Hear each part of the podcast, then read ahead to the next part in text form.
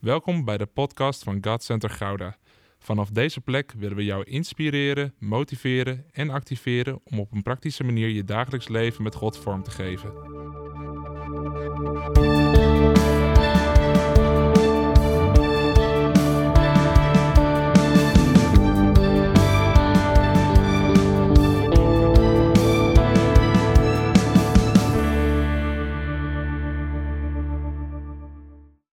Was me aan het voorbereiden en toen moest ik denken aan deze zin. Na de winter komt de lente, wordt de grijze lucht weer blauw. Maar al ben jij uit de oorlog, gaat de oorlog ooit uit jou. En misschien de Marco Besanto fans onder ons, die zullen de tekst herkennen. Maar dit is een van de zinnen die mij het meest heeft geraakt in liedjes überhaupt. En dit is een nummer Speeltuin. En dat heeft hij toen geschreven en gezongen voor, uh, voor War Child. En dat gaat over een kind dat uit de oorlog wordt gehaald. Maar krijgen we ook dan de oorlog nog uit een kind? En ik moest hier aan denken terwijl ik me aan het voorbereiden was. Ehm, zoals je net al hebt gehoord, ik moest vrij plotseling uh, moest ik alsnog spreken vandaag.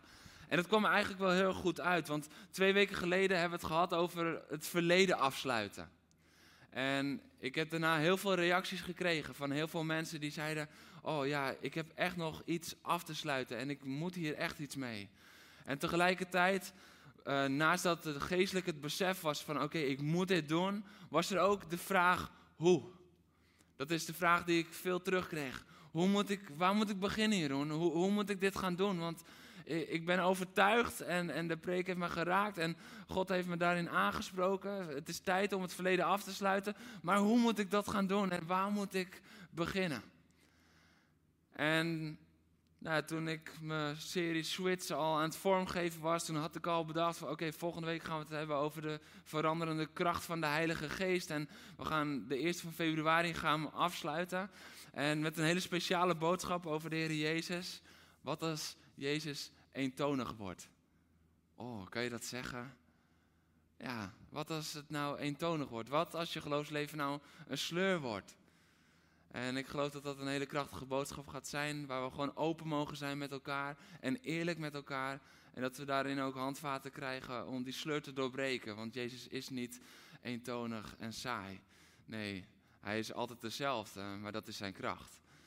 En ik kijk er nu al naar uit en tegelijkertijd voelde ik van ja, maar ik heb eigenlijk geen ruimte meer om nog een extra te gaan, gaan plannen. En toen viel Pastor Michel uit. En toen dacht ik, kijk, dit is het moment dat we dieper kunnen ingaan op de boodschap van twee weken geleden. Als je die niet hebt meegekregen, dan zou ik zeker zeggen van, kijk hem nog even terug binnenkort. Maar vandaag gaan we het dus hebben over praktische handvaten om dat verleden af te sluiten.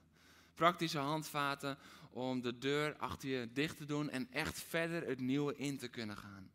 Maar al ben je uit de oorlog, gaat de oorlog ooit uit jou? Ja, Misschien ben je er de afgelopen tijd aan gaan twijfelen. Van, gaat dat verleden ooit nog uit mij? Ja, ik ben uit mijn verleden getrokken en God heeft me op een nieuwe plek gezet. Maar het blijft maar terugkomen en ik blijf er maar verbonden aan. Gaat het ooit uit mij? Het antwoord is ja.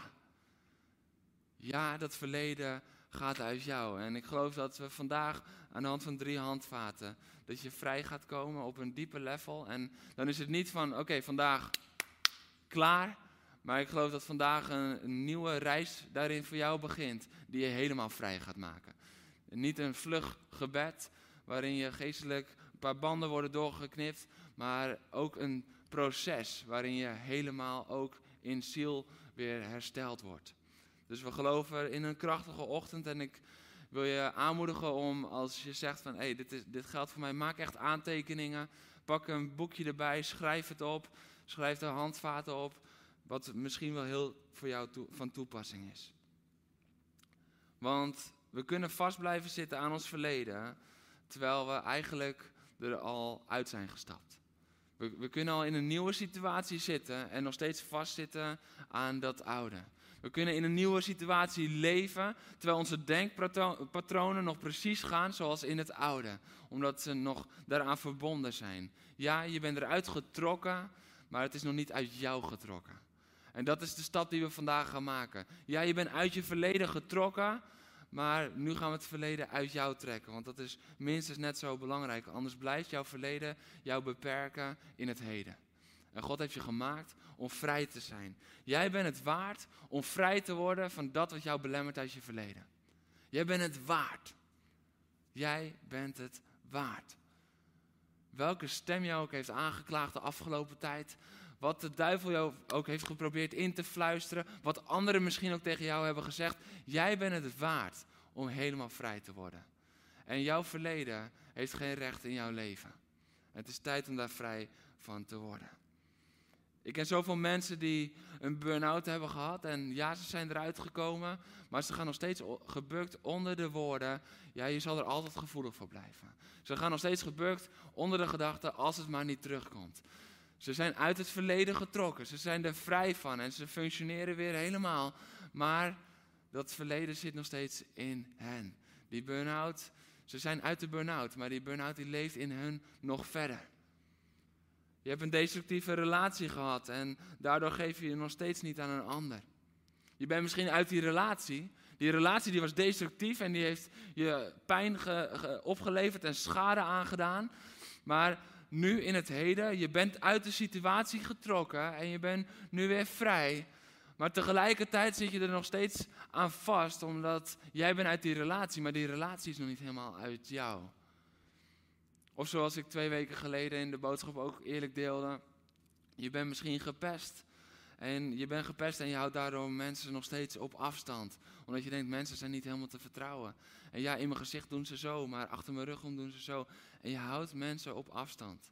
En je bent misschien in een, in een hele nieuwe situatie, in een nieuwe klas, nieuwe omgeving. En het is niet meer van toepassing wat er toen aan het gebeuren was. Maar dat stukje leeft nog steeds in jou en je bent er niet los van en je wordt er nog steeds door belemmerd in je leven.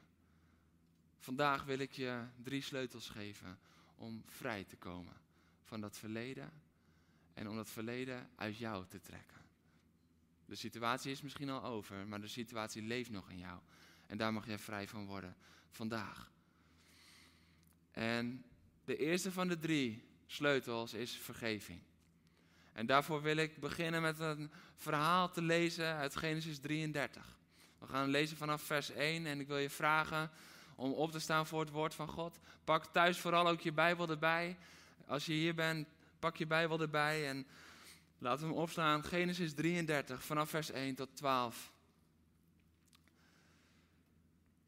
En daar staat: Plotseling zag Jacob Esau op zich afkomen met 400 man. Toen verdeelde hij zijn kinderen over Lea, Rachel en de twee bijvrouwen. De bijvrouwen en hun kinderen liet hij voorop gaan, Lea en haar kinderen achter, daarachter en Rachel en Jozef helemaal achteraan. Zelf ging hij voor iedereen uit. En terwijl hij zijn broer naderde, boog hij zevenmaal diep voorover. Esau rende hem tegemoet, sloot hem in zijn armen en kuste hem. Beiden lieten hun tranen de vrije loop. Toen Esau opkeek en de vrouw en de kinderen zag, vroeg hij: Wie heeft je daarbij? Jacob antwoordde: Dat zijn de kinderen die God in zijn goedheid aan mij, je dienaar, heeft geschonken. Toen kwamen de bijvrouwen en hun kinderen dichterbij en zij bogen diep. Daarna kwam Lea met haar kinderen en ook zij bogen diep. Ten slotte kwam Jozef en Rachel, die eveneens diep bogen. Wat is de bedoeling van die hele schade die ik ben tegengekomen? vroeg Esau. Jacob had voor hem vooruitgestuurd. Hij had uh, giften vooruitgestuurd. Hij had allemaal om Esau maar ja, goed um, ja, tegemoet te komen, als het ware, had hij van alles vooruitgestuurd. Omdat hij wist van ja, ik heb in het verleden heb ik iets gedaan bij Esau. En Esau vraagt, ja, wat is de bedoeling daar nou precies van? Jacob antwoordde, dat was bedoeld om mijn Heer gunstig te stemmen. Maar Esau zei, ik bezit genoeg, broer. Hou jij maar wat je hebt. Nee, zei Jacob. Als je mij goed gezind bent, neem dan het geschenk aan, alsjeblieft. Want oog in oog staan met jou is niets anders dan oog in oog staan met God. En toch ontvang je mij welwillend. Neem toch aan wat ik je heb laten brengen en waarmee God mij heeft gezegend. Want God heeft mij goed gezind, is mij goed gezind geweest en ik heb meer dan genoeg omdat hij bleef aandringen, nam Esau het aan. Hierna zei Esau, laten we verder gaan. Ik zal je vergezellen. Tot zover lezen we uit het woord dit gedeelte. En we lezen hier over een ontmoeting tussen twee broers. Een ontmoeting tussen twee broers die jarenlang afzonderlijk van elkaar hebben geleefd. Jarenlang was daar een scheiding geweest, want Jacob had Esau geflikt, zouden we nu zeggen. Hij had hem het eerstgeboren recht had hij ontnomen. En hij had daarin zijn vader bedrogen, hij had Esau bedrogen. En daarna was hij voor zijn eigen daden gevlucht. Hij was gevlucht uit angst voor de wraak van zijn broer. En nu komt daar een ontmoeting. Hij heeft gewerkt bij zijn oom en hij is daar ook op een sneaky manier is hij weggegaan. En hij gaat terug naar het land van zijn vader en moeder om oog in oog te komen met Esau, zijn broer. En normaal gesproken hebben we het over Jacob. Een van de aartsvaders en de God van ja, uh, Abraham, Isaac en Jacob. En dan hebben we het over hem. Maar vandaag wil ik het vooral hebben over de rol van Esau. Want wat nou als we Esau zijn? Wat nou als ons iets is geflikt en wij zijn niet degene die iets uh, iemand anders iets hebben aangedaan? Wat nou als wij Esau zijn? Want misschien is ons leven soms wel als dat van Esau. En als ik dit lees, dan lees ik hier heel veel verschillende dingen in. En een van de mooiste dingen die ik hierin lees is dat Jacob was al die tijd was hij nog gebonden aan zijn broer. Hij was gebonden aan Esau. Maar Esau was al die tijd was hij al lang vrij van Jacob. Omdat hij hem had vergeven. Hij had Jacob vergeven voor deze ontmoeting. Deze ontmoeting was voor Esau niet meer nodig om los te komen van wat Jacob hem had aangedaan. Maar deze ontmoeting was nodig om Jacob los te laten komen van wat hij Esau had aangedaan. Hier vindt geen vergeving plaats. Dat was er al lang. Hier vindt verzoening plaats. Daar zijn beide kanten voor nodig. Hier vindt verzoening plaats omdat, omdat Jacob de keuze heeft gemaakt om terug te komen naar Esau. En hem oog in oog aan te kijken. En de confrontatie aan te gaan. En daar vindt verzoening plaats. Maar de vergeving heeft daarvoor al lang plaatsgevonden. Al lang. En hoe zien we dat? Dat zien we aan drie dingen die Esau doet in dit verhaal. Het eerste is, Jacob buigt zich voor hem neer. Maar wat doet Esau? Esau rende hem tegemoet, sloot hem in zijn armen en kuste hem. Beiden lieten ze de tranen de vrije loop. Dus Esau is hier al vrij van elk wrok. Hij rent hem tegemoet, hij komt naar hem toe en hij slaat hem in zijn armen en hij kust hem. Denk je dat je dat kan als je iemand nog niet hebt vergeven? Kijk eens naar je eigen hart. Iemand die je misschien op dit moment nog niet hebt vergeven.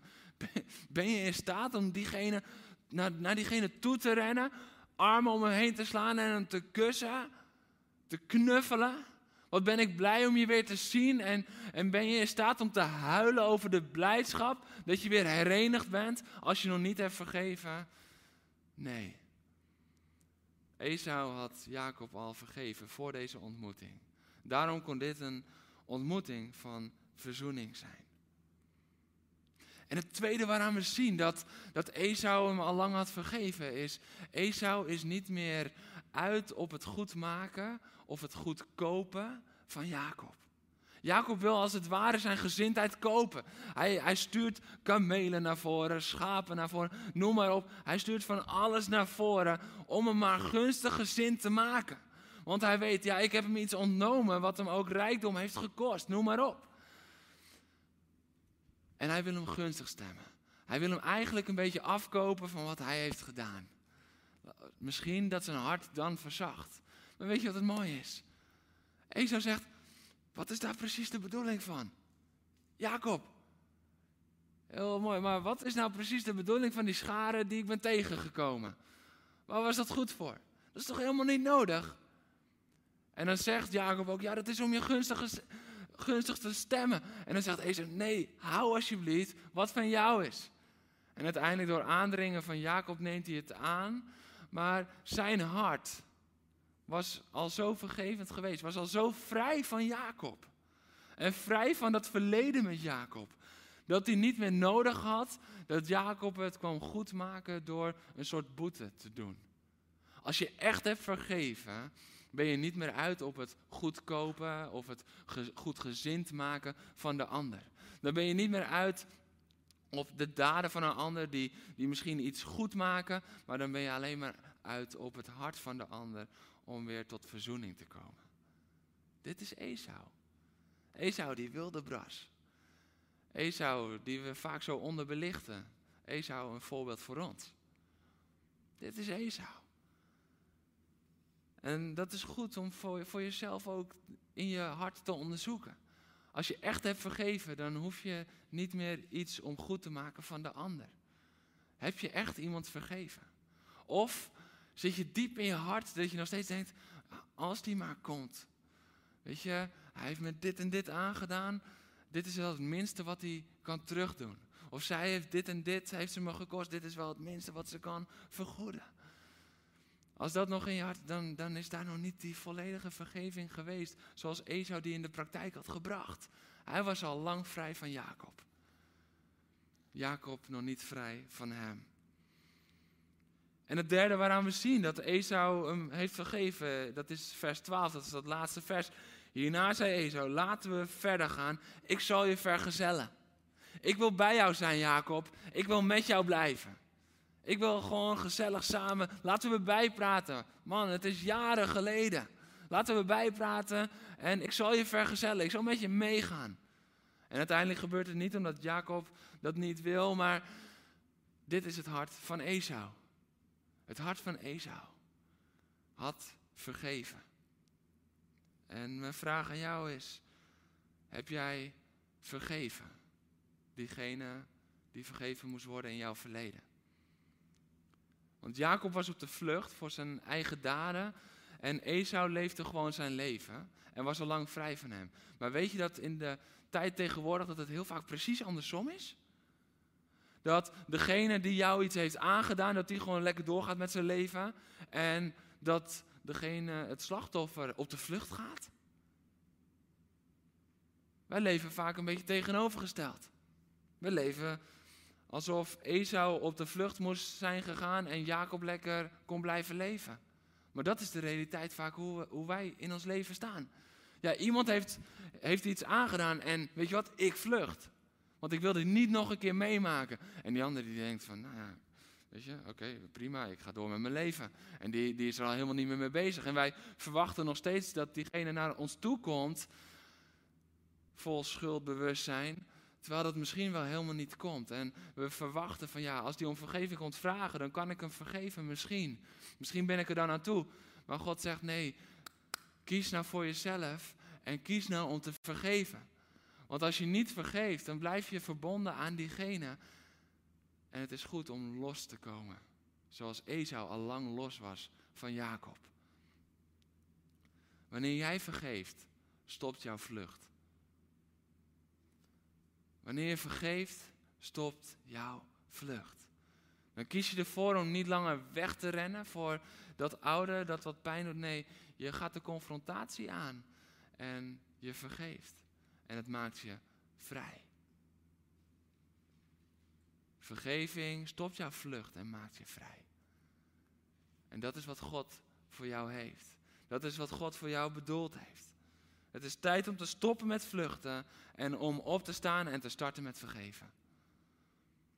En misschien zeg je, ja maar die ander, die heeft zoveel gedaan, die verdient het bijna niet. Maar jij verdient het wel. Want als jij vergeeft, dan is het goed voor de ander, maar is het ook goed voor jezelf. Is het ook goed voor je eigen leven. Het is goed om vrij te komen van datgene, vrij te komen van diegene. Om te vergeven. En daarnaast, hoe erg het ook is, wat iemand jou heeft aangedaan, ook voor diegene hing Jezus daar met zijn armen wijd. Ook voor diegene, ook al kan je het je bijna niet indenken, omdat het jou zoveel pijn doet heeft Jezus uitgeroepen, het is volbracht. Ook de pijn die diegene jou heeft aangedaan, heeft Jezus gedragen, waardoor hij kan zeggen, ik vergeef hem of haar ook. En daarom kan jij het ook. dat kan je niet op eigen kracht. Maar dat kan samen met Jezus. Omdat Hij het al heeft gedaan. Zoals Hij altijd voor ons uitgaat en de weg baant, heeft Hij ook de weg tot vergeving gebaand voor jou en mij. Vergeef niet uit eigen kracht, maar vergeef samen met Jezus. En misschien zeg je, ja, mooi, dat stuk Esau, maar ik zit meer met mezelf. Misschien lijk ik wel wat meer op Jacob. Misschien ben ik wel de Jacob in het verhaal en heb ik wel iemand anders wat aangedaan. Wat moet ik dan doen om ook weer dat verleden achter me te kunnen laten? Want ik bedoel, ehm, ik ben misschien wel gevlucht uit, uit, uit, uit, de situatie, maar, maar het blijft in mijn hoofd. Het blijft in mijn hoofd en ik, ik kom er maar niet van los. Doe dan wat Jacob ook deed. De enige manier voor Jacob om los te komen van de angst voor Esau was om hem aan te kijken in de ogen. De enige manier voor Jacob om helemaal los te komen van dat alles wat er was gebeurd, is Esau opzoeken. Esau opzoeken en om vergeving vragen. En hij deed het door hem gunstig te proberen te stemmen, maar daar was verzoening. Ze vielen elkaar huilend in de armen. Hij kwam terug. Hij stopte met vluchten, maar hij kwam terug. En vanaf dat moment was hij niet meer op de vlucht. Hij was vrij van het verleden. Dat is de eerste sleutel, vergeving.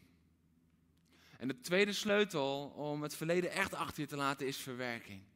En dit is misschien wel de meest onderbelichte in de christelijke wereld tegenwoordig. Zeker in de evangelische en pinksterwereld. Daar, daar, daar is het, ja, je moet vergeven en dan is het klaar. Nee, wacht. Je moet vergeven, dan is dat klaar. En dan moet je gaan verwerken. Want op het moment dat je het verleden niet goed verwerkt, dan zal je het altijd met je mee blijven dragen. In de tijd van de Bijbel was rouw was een heel uitgebreid iets. Weet je dat? Daar namen ze de tijd om te rouwen. Over iets dat was gestorven, over verdriet dat ze hadden, over iets dat ze waren kwijtgeraakt.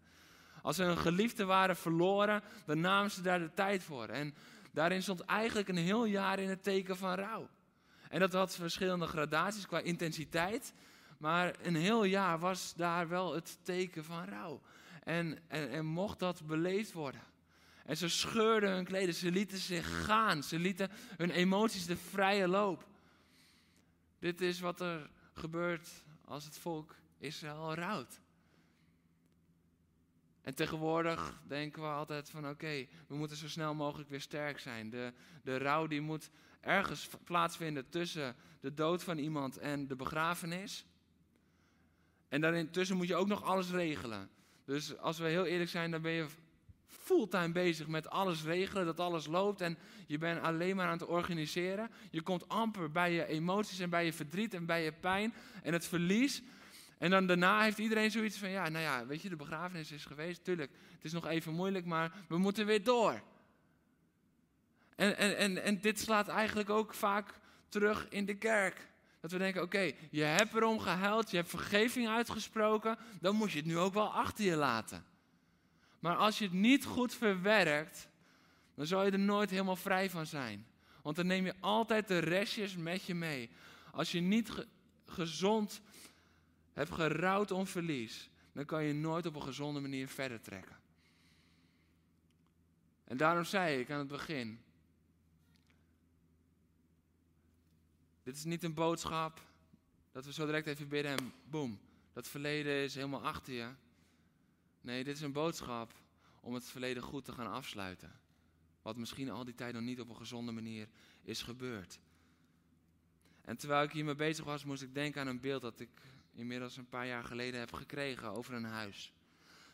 En dat huis was helemaal uitgebrand. Dat huis was helemaal uitgebrand. Er lag alleen maar as, overal as. Het was volledig uitgebrand.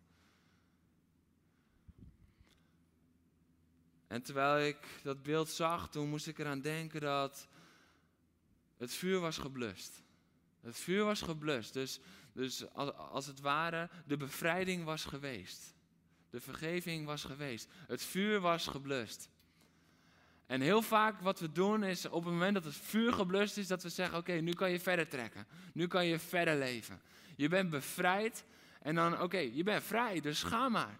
En er is amper nazorg. Weet je, ik sprak een keertje uh, een stel dat, dat ook heel vaak al bij vrij zijn was geweest. En dat is een geweldige conferentie, daar komen zoveel mensen tot vrijheid. Maar ze hadden nog nooit gehoord over verwerking naar de bevrijding. En ik dacht, hoe kan dat jongens? Hoe kan het zijn dat we wel voor de bevrijding gaan en dat we dan zeggen, succes. Nu ben je er helemaal klaar voor, nu kan je wel weer. Want na bevrijding komt echt verwerking. En als je dat niet aanpakt, dan blijf je leven in een huis dat wel veilig is en vrij is van vuur, maar het is nog steeds uitgebrand. En er ligt nog steeds overal as. Dus hoe kan je verlangen van iemand die nog iedere keer als hij rondloopt alleen maar door het as loopt, dat hij volledig in zijn potentie gaat leven? Dat bestaat helemaal niet. Want dat as moet opgeruimd worden en dat is verwerking. We leggen vaak de handen op, bidden voor iemand en denken: oké, vuur is geblust, klaar. Maar het gevaar is geweken, maar het is nog een zootje. En als het een zootje is, dan moet er eerst nog opgeruimd worden. En dat noemen we verwerken.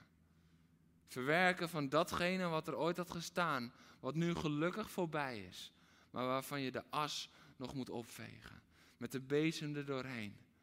Met de bezem er doorheen, omdat het as nog overal ligt. Vergeving is niet de volledige verwerking, maar vergeving is onmisbaar om tot verwerking te komen. En soms denken wij, vergeving, oké, verwerkt. Klaar. Halleluja, prijs de Heer en nu gaan we weer dansen. Maar in jou neem je nog steeds dan restjes as mee en die komen vroeg of laat, komen die als een stofwolkje weer bovendrijven. Vergeving is onmisbaar bij verwerking, maar is niet hetzelfde als verwerking. Het is een onderdeel daarvan. Weet je, prediker 3 zegt, er is een tijd om te lachen, er is een tijd om te huilen. Er is een tijd om te rouwen en een tijd om te dansen. Er staat niet, er is een korte tijd om te huilen en dan moet je lang lachen. Er is een korte tijd van rouw en veel om te dansen. Nee, er is een tijd voor alles. En we moeten leren die tijd opnieuw te nemen. We moeten leren op tijd, eh, om tijd te nemen om te rouwen, om te verwerken. Want anders blijven we dat as met ons meedragen. En we blijven de pijn meedragen, het nieuwe in. Want stel je voor dat je dat huis gaat inrichten, zonder dat je de as opruimt. Je zet er een bank neer, je zet er neer, poef, stofwolk. En je loopt van je bank naar je keuken. En bij je keuken moet je ook eerst nog zo doen voordat je weer stofvrij wat kan koken. Overal ligt nog as en je bent al aan het leven in het nieuwe. Je hebt het nieuwe er al ingezet, terwijl je nog het oude met je meedraagt. Dat is wat er gebeurt als je niet verwerkt. Het is wel afgesloten, de situatie is voorbij, maar je moet er gewoon om huilen. Je moet er gewoon misschien een paar dagen verdrietig over zijn, misschien een paar weken, misschien wel langer. Misschien moet je gewoon een pastoraal proces aangaan. Omdat je iemand naast je nodig hebt, omdat je het niet alleen kan. Dat is ook gemeente zijn. Het is van onschatbaar belang dat we verwerken. En wij blijven ons dan maar afvragen waarom we zo heftig reageren op iets kleins. Wij blijven ons vaak afvragen waarom we zo gevoelig zijn voor de mening van de ander. We blijven ons afvragen waarom we zo bang zijn dat het verleden terugkomt. Maar dat is omdat we nog stukjes van het verleden, ook al is het niet meer hetzelfde herkenbaar, maar het as van het verleden dragen we nog met ons mee. Dat het vuur gedoofd is, betekent niet dat alle rotzooi is opgeruimd. Dat komt daarna. En als we opnieuw gaan inrichten, voordat de rotzooi is opgeruimd, omdat we het niet hebben verwerkt, blijven we in de nieuwe situatie continu de schade van het onverwerkte verleden tegenkomen. Dat is de realiteit, als we niet verwerken. En waar verwerking en vergeving samenkomen, komen we los van het verleden. Misschien ken je deze nog van een oudejaarsavond. Toen hebben we het ook gehad over iets nieuws. En loskomen van het oude.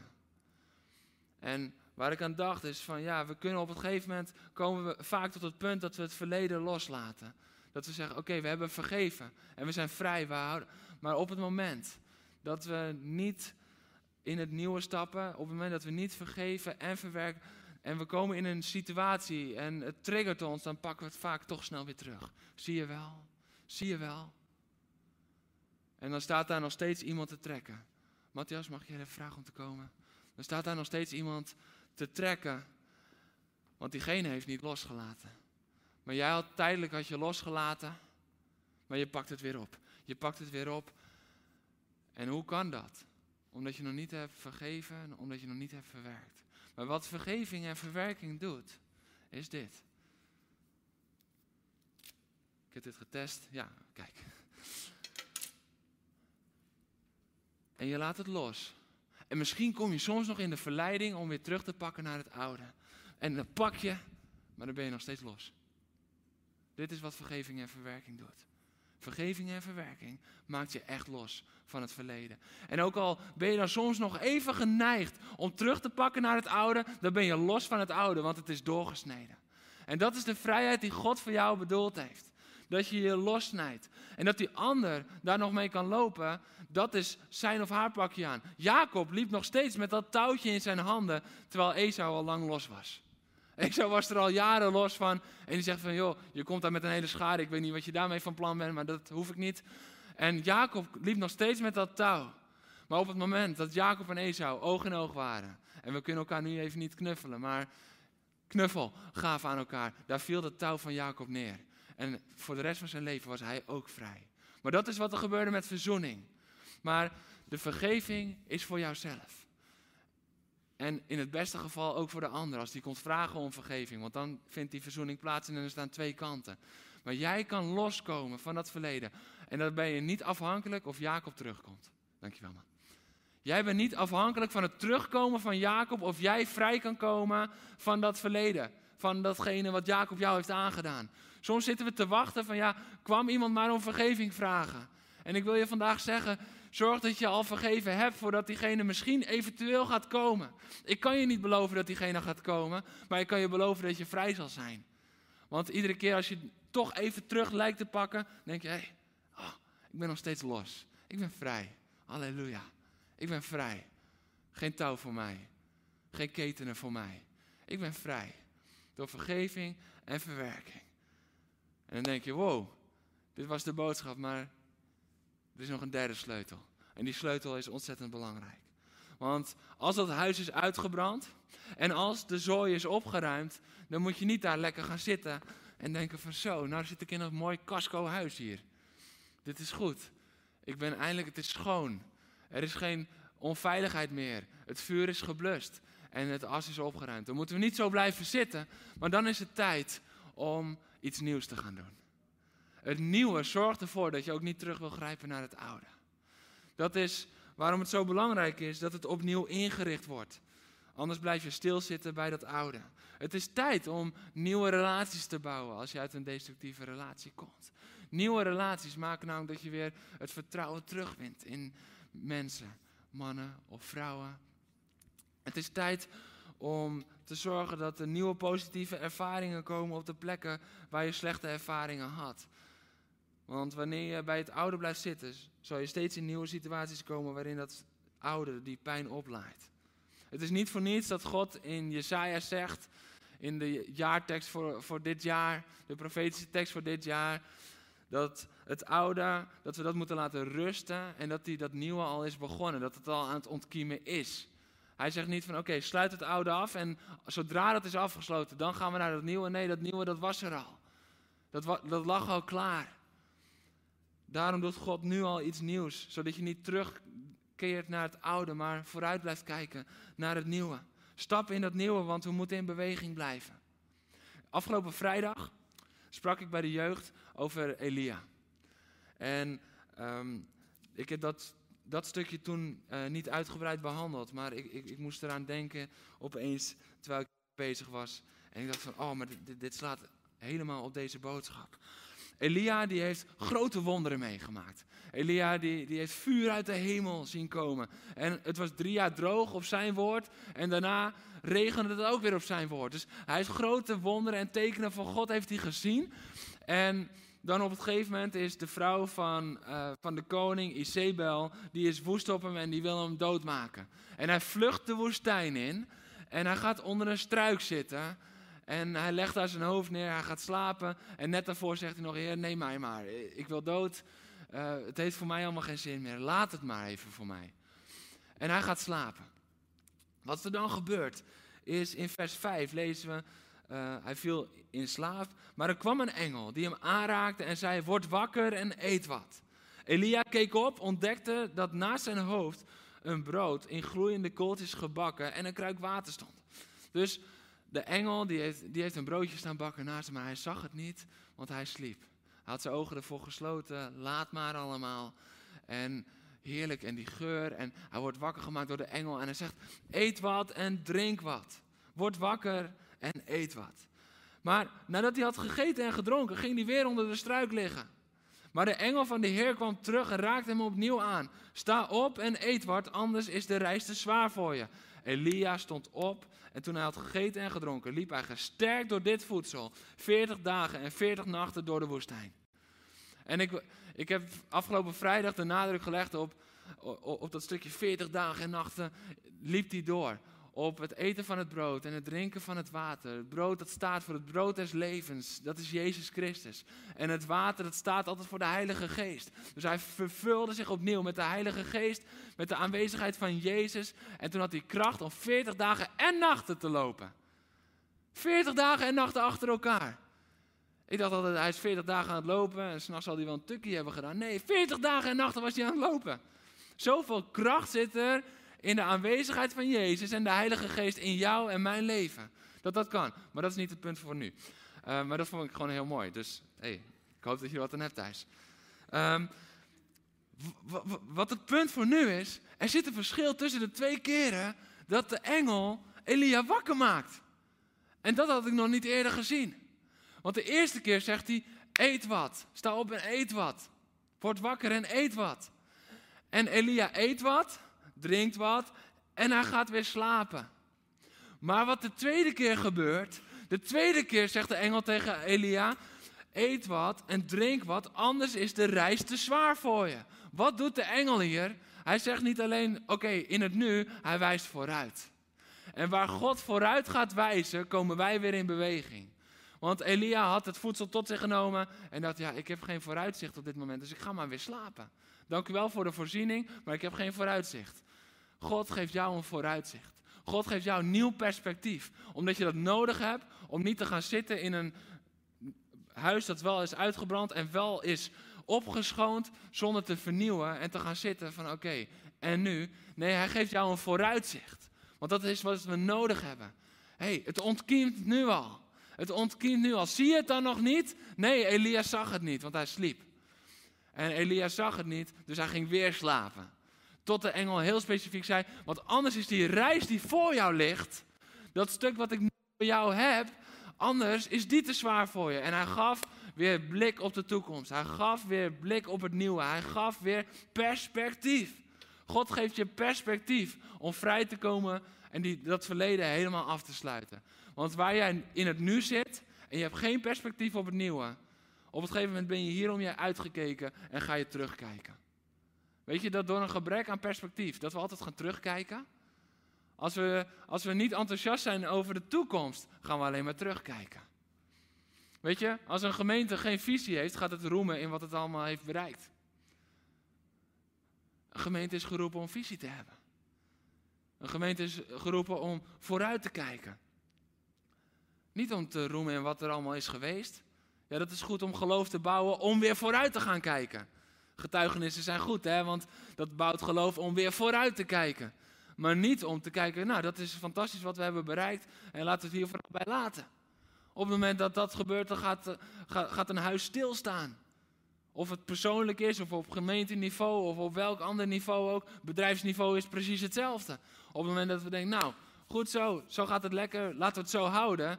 Dan is het stilstand, gaat het altijd achteruit. Waarom? Omdat je achteruit kijkt. We moeten kijken naar het nieuwe, want het nieuwe is gegeven. God wil je perspectief geven. Vergeving, verwerking, vernieuwing. Vergeving, verwerking, vernieuwing. Want we hebben alle drie nodig om dat verleden definitief af te sluiten. God verlangt ernaar dat jij vrij bent.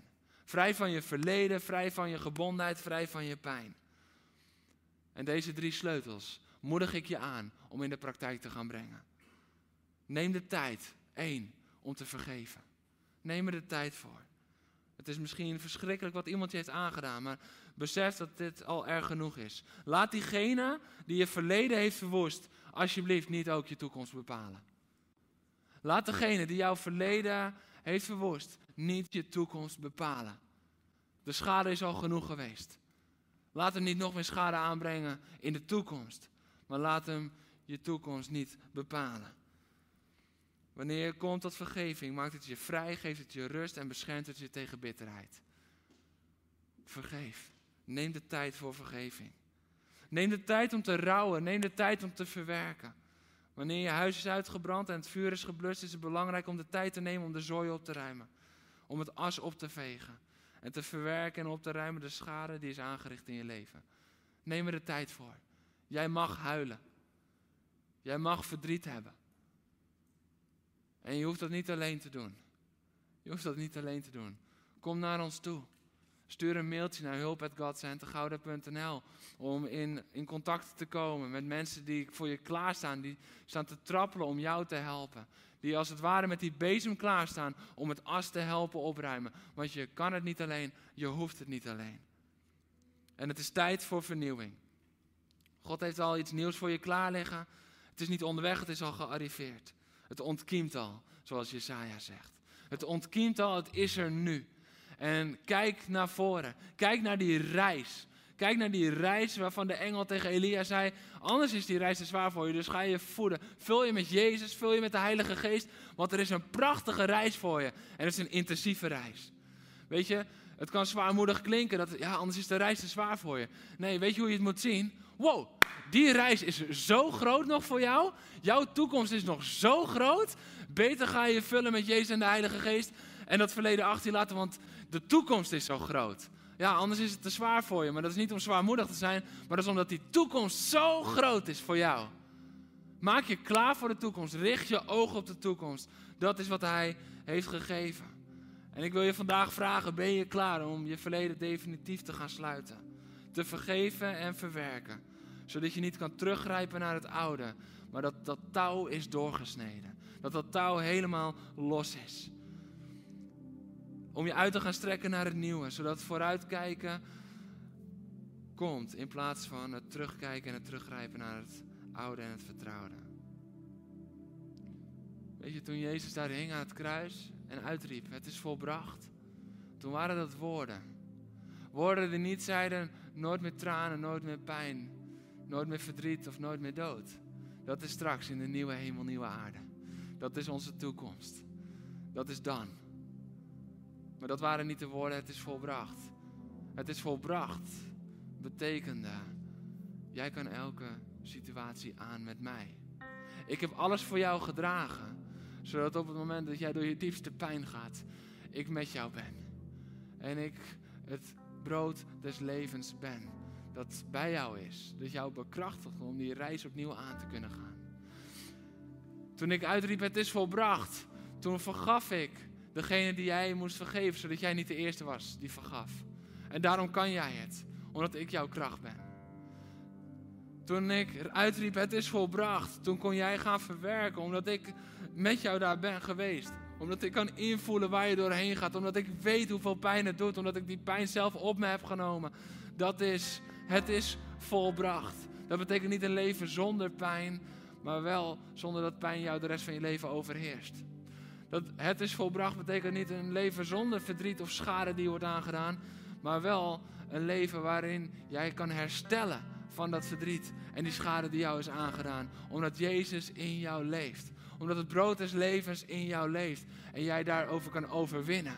Door vergeving, verwerking en vernieuwing. Dit is Jezus. Dit is wat Jezus heeft gedaan voor jou. In zijn kracht kunnen we vergeven. Door zijn aanwezigheid kunnen we verwerken. En door zijn offer is alles nieuw geworden.